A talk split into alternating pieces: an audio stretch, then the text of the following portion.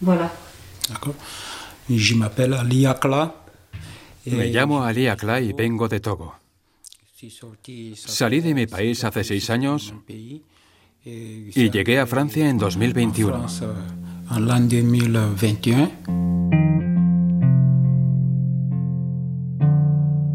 El número de migrantes que atraviesan la frontera es abrumador. Un flujo constante, como un río que no se agota. Y para nosotros y nosotras, todos son iguales. Todos son una misma y única cosa, migrantes. He recorrido miles y miles de kilómetros. Ni yo mismo sé cuántos he hecho. Pero por encima de las cifras y de las definiciones genéricas, hay distintas voces, rostros y realidades. Idrisa, Bama, Mariam, Aisha, Ibrahima o Ali Aklal que acabamos de escuchar. Son seres humanos con nombres y apellidos. Personas.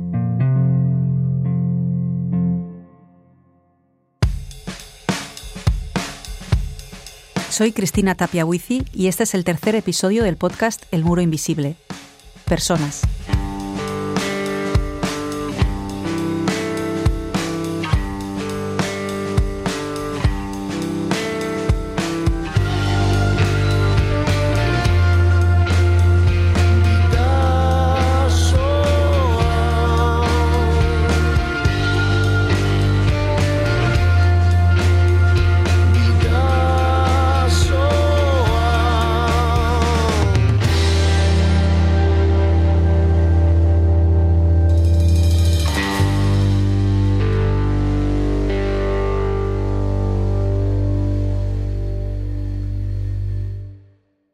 Los números son inabarcables. Según datos de la Agencia para los Refugiados de la ONU, ACNUR, en 2021, 89,3 millones de personas abandonaron su hogar por problemas económicos, por razones políticas o de derechos humanos. Muchas veces he pensado cómo sería dejar mi casa de un día para otro, con mi hija y una mochila, nada más, sin saber lo que va a pasar al día siguiente. Cuando termine este capítulo, te invito a que hagas ese ejercicio. Tómate un rato y piensa qué harías tú si te encontraras en esta situación. Y esto es lo que ven aquí los voluntarios todos los días. Caras, nombres y apellidos e historias. Hay miles de historias. Cada persona tiene la suya. En este podcast queremos dejar las cifras de lado y conocer a quienes ven a diario las caras de las personas migrantes. Entre otros, Koldo Nagusia, periodista de Ancheta y Ratía, y el bercholari y escritor Ahmed Zarzayus. Pero si pasan 4 o 5 mil al año son 5 mil historias diferentes. Eso es así. Cuando una persona te lo cuenta, el relato toma otra dimensión en su cara, en su cuerpo, y te hiere y te duele de otro modo tomas conciencia de otra manera. No hace falta que hables con 400, basta con que te lo cuente uno. El Bercholari Ahmed nos contaba esto en un parque de Sara. Basta con que uno te lo cuente. Ponerte en la piel de una persona migrante es suficiente para comprenderle, para que de algún modo sus heridas también te duelan. Ahmed conoció a Ibrahim Abalde a través de Irungo Herrera Sarea, y sus palabras se convirtieron en texto en el libro Hermanito, una obra traducida a varios idiomas y recomendada por el Papa Francisco. Lo abstracto pasó a ser concreto y cambió al propio Amech, en un viaje de fuera hacia adentro.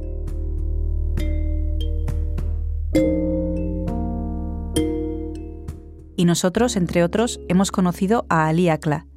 Él ha sido quien ha cambiado nuestra mirada.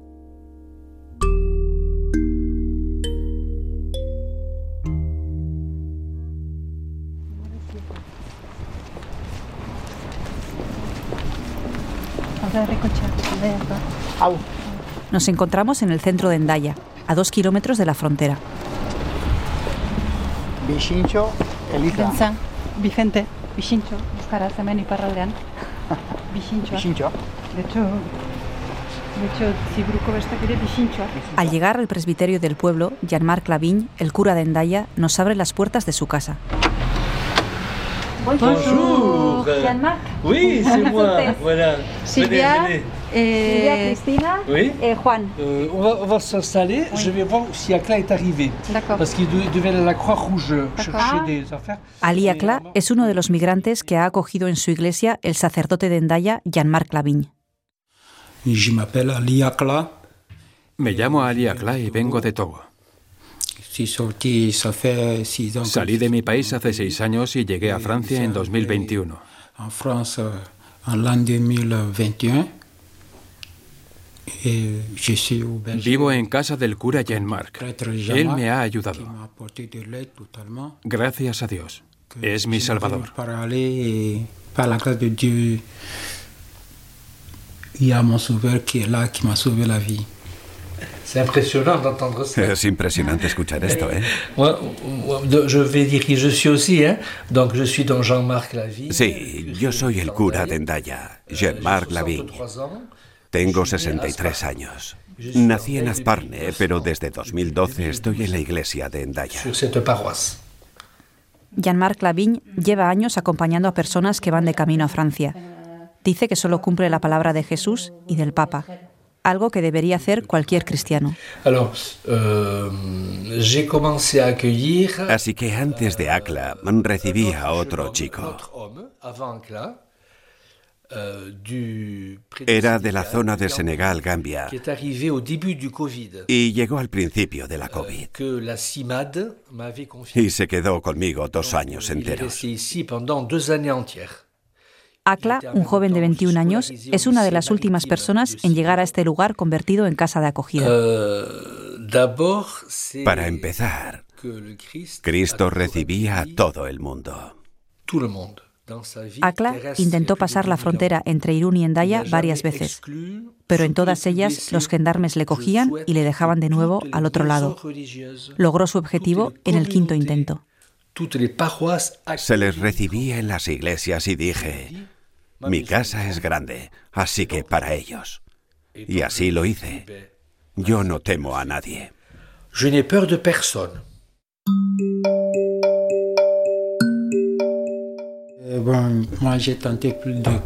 Bueno, lo intenté cuatro veces y en la quinta conseguí pasar. Las cuatro veces anteriores, la policía me cogió en Endaya y me llevó a España.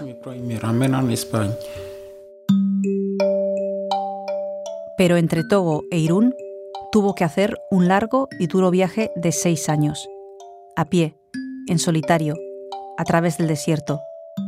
Akla tenía claro que debía seguir adelante hasta llegar a Francia, sin resignarse, dándose fuerzas a sí mismo.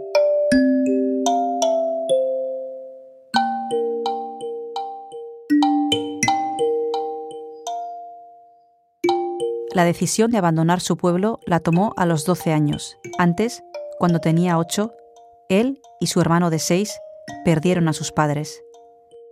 Sus familiares los maltrataban y huyeron. Fueron de pueblo en pueblo, vivían en la calle y se levantaban todos los días a las 4 de la mañana para que nadie pudiera atraparles. A los 15 años encontró una familia de adopción en África para su hermano y emprendió entonces su periplo hacia Europa, una larga odisea de seis años.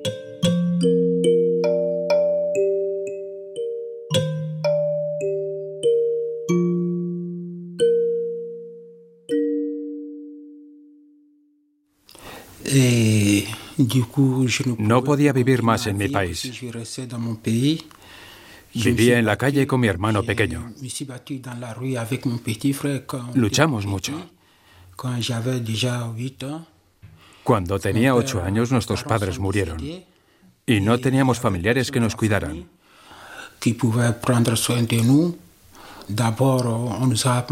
Nos encontramos en la calle. A los 15 años me marché. Le dije a mi hermano, me voy a Francia por el desierto para poder vivir. Que llegaría si Dios quisiera y que no llorará. Si pas pu arriver, si je suis moi dans le désert, faut pas pleurer, je suis toujours avec toi. Fui andando de país en país porque no tenía dinero para pagar el transporte. No lloré para pedir ayuda. Sufrí mucho. En junio de 2021 llegué a Francia. Gracias a Dios. Et j'ai dit Dieu merci beaucoup. Oui, je suis vivant.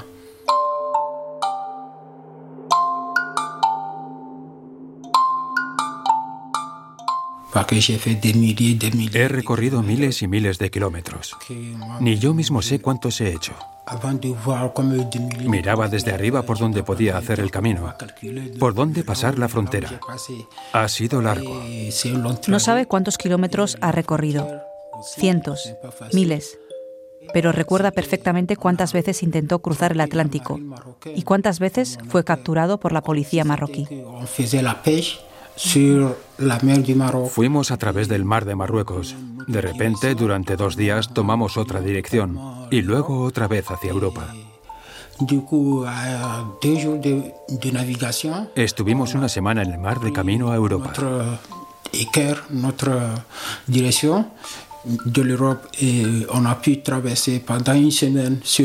Nada más llegar a Europa, se dio cuenta de que el viaje no había terminado, que había otras fronteras otros obstáculos. Cuando llegué a España estuve muy mal. Aquel trabajo me causó mucho daño.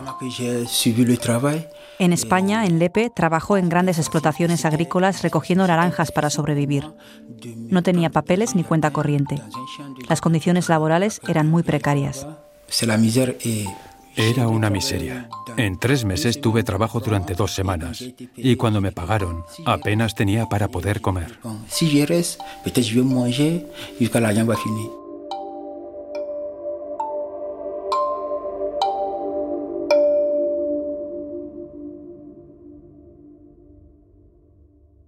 Ganaba siete euros si conseguía llenar una cesta. Con mucho esfuerzo, Acla podía llegar a completar como máximo tres cestas. Lo que le pagaban apenas le alcanzaba para comer. Además, debido a las duras condiciones del trabajo, se lesionó la espalda y las rodillas, y estuvo dos semanas con la rodilla hinchada, con dolor. Ahora, de momento, Aliakla vive bajo la protección de la Iglesia, en Endaya. Gracias a Dios, repite él. Dice que Dios ha venido a ayudarle. Tuve la oportunidad y aquí estoy, en la casa de Dios. De hecho, Aliakla es cristiano, aunque la mayoría de los migrantes que atraviesan la frontera son musulmanes. Pero también en esto cada persona es un mundo, que llega con sus vivencias, sus creencias, su lengua y cultura propias. Muchas veces esto choca con nuestro modo de vida y con nuestros valores. En cuanto a las formas de relacionarse, costumbres, leyes, religión, todo está adaptado a la cultura. Con la integración como objetivo, John Aranguren, del colectivo Irún Arrera Sarea, ofrece información a los migrantes en la Plaza San Juan de Irún. Algunas diferencias son pequeñas, como la costumbre de escuchar música en voz alta en la calle, por ejemplo.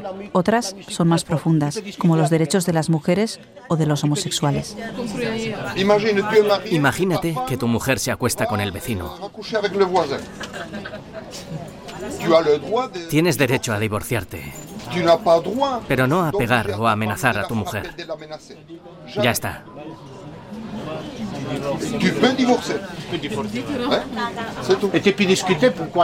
Porque tú no eres dueño de tu mujer. No es tuya. Es una persona como tú. Y a los chicos, sobre todo, se les dice que este es otro mundo que la actitud que tenemos aquí con respecto a las mujeres es otra. El respeto a la homosexualidad.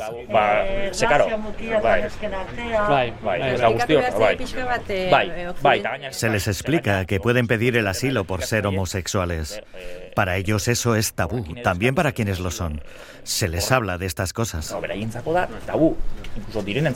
Las personas que ayudan en este viaje tratan de facilitar la integración. Y aunque parezca una tontería, los voluntarios les tratan y les hablan como a personas.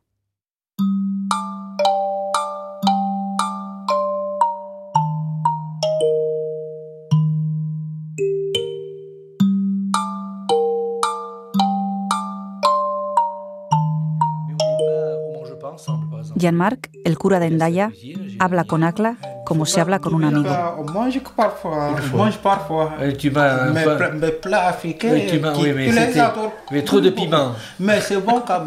Cuando conversan sobre comida, la mirada de Akla cambia por primera vez y vislumbramos en el rostro del joven un gesto semejante a una sonrisa.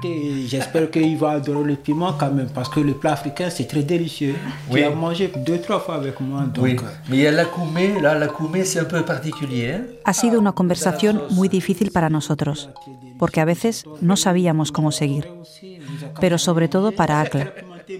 En muchos momentos ha guardado silencio y aunque no hablaba, sus ojos lo decían todo.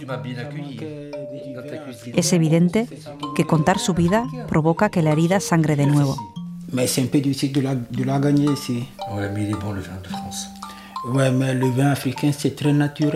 Porque son personas y porque somos personas. La carga que casi todos los migrantes traen en sus pequeñas mochilas es pesada y dura. Es suficiente conocer las heridas de una sola persona, nos decía antes Ahmed Charzayus. Y nosotros, con Ali Akla, hemos empezado a ser conscientes de ese dolor. Su viaje, como el de tantos otros, se sitúa entre la vida y la muerte. Sí, yo tenía un amigo que estaba en nuestro país y cuando llegué a España se enteró y me mandó un mensaje. Por favor, Akla, me gustaría ir a Europa. ¿Cómo podría pasar? Y le expliqué, mi aventura ha sido entre la vida y la muerte.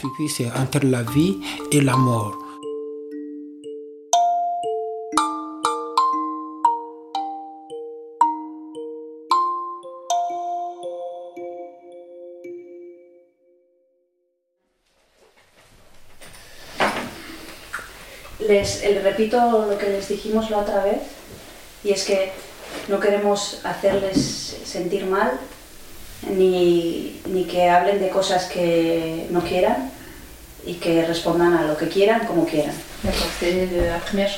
Cinco meses después de terminar esta charla, hemos regresado al presbiterio de Endaya para reunirnos con ACLA. Bueno, he estado un año en Francia y estoy muy contento y feliz aquí. Además, hace dos meses tuvo muy buenas noticias. Después de mucho tiempo, ha conseguido reencontrarse con su hermano. Aunque él sigue en Togo, han hablado por primera vez desde que Akla emprendió su viaje. Charlaron por teléfono el día que le operaron de la rodilla y le contó que tiene dos hijos. Así que Akla ahora es tío. Me operaron de la rodilla y al salir del quirófano me llamó y me dio la sorpresa al decirme que quería presentarme a sus hijos. Ahora tiene 18 años.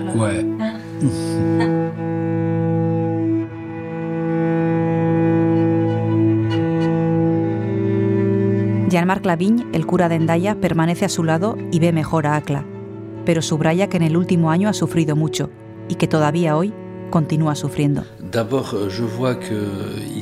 Para empezar, ha seguido con los estudios. Él quiere vivir en Francia. De eso no hay duda. Sin embargo, veo que últimamente habla más de su sufrimiento.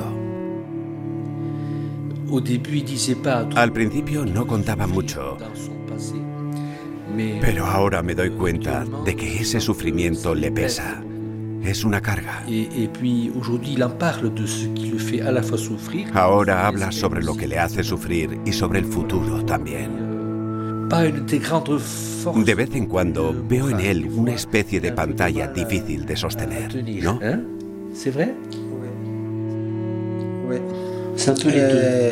Bien sûr.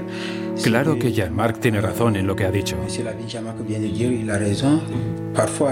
A veces me resulta difícil. No tengo ganas de ir al colegio. Me vienen los recuerdos. Tengo flashbacks y se me revuelve el interior. Tengo que estar encerrado en casa. No tengo ganas de escuchar ninguna voz, la de nadie. Tengo rabia y tensión y pienso en mí, en un futuro mejor para mí. ¿Le preocupa el futuro? Le hacemos una última pregunta antes de marcharnos. ¿Le preocupa lo que le pueda deparar el futuro? La respuesta que nos da no puede ser más clara. No, no me preocupa.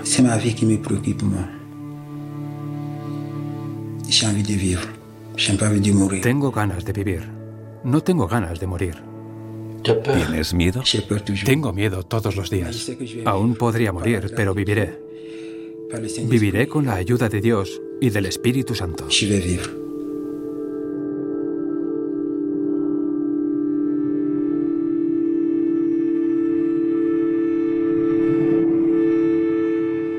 Esta es la historia de Ali Akla, pero hay tantas historias como personas.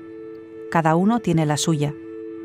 Son historias que nos permiten entender una pequeña parte de todo lo que han sufrido.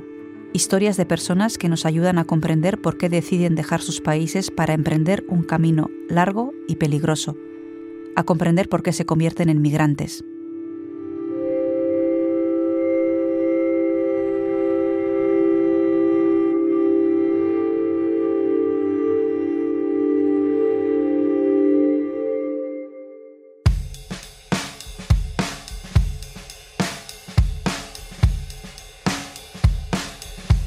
En el próximo capítulo. El único consejo que yo puedo dar es, si en África tienes tu oficio y libertad, quédate allí. Quédate en África. Es mejor para ti. No sabe por qué son así las cosas. Es muy duro cruzar el mar. Hay algunas cosas que no se pueden explicar. Ah,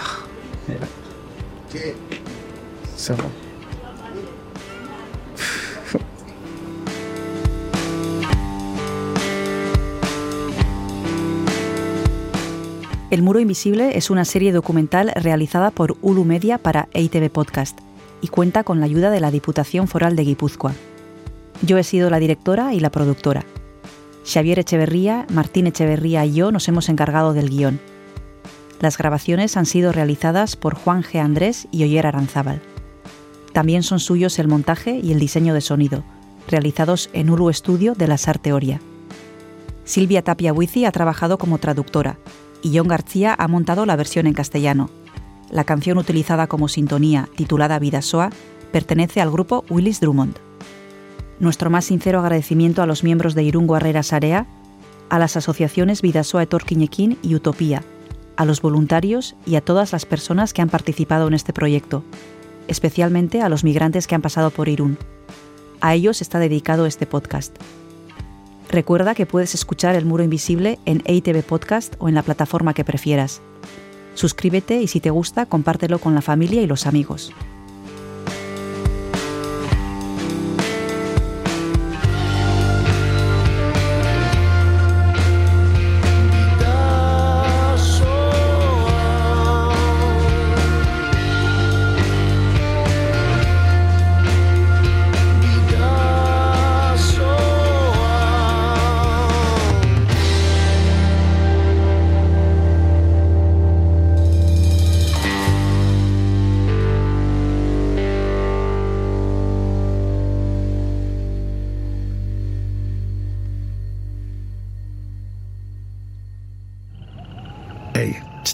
Entzun hori. Ulu Media.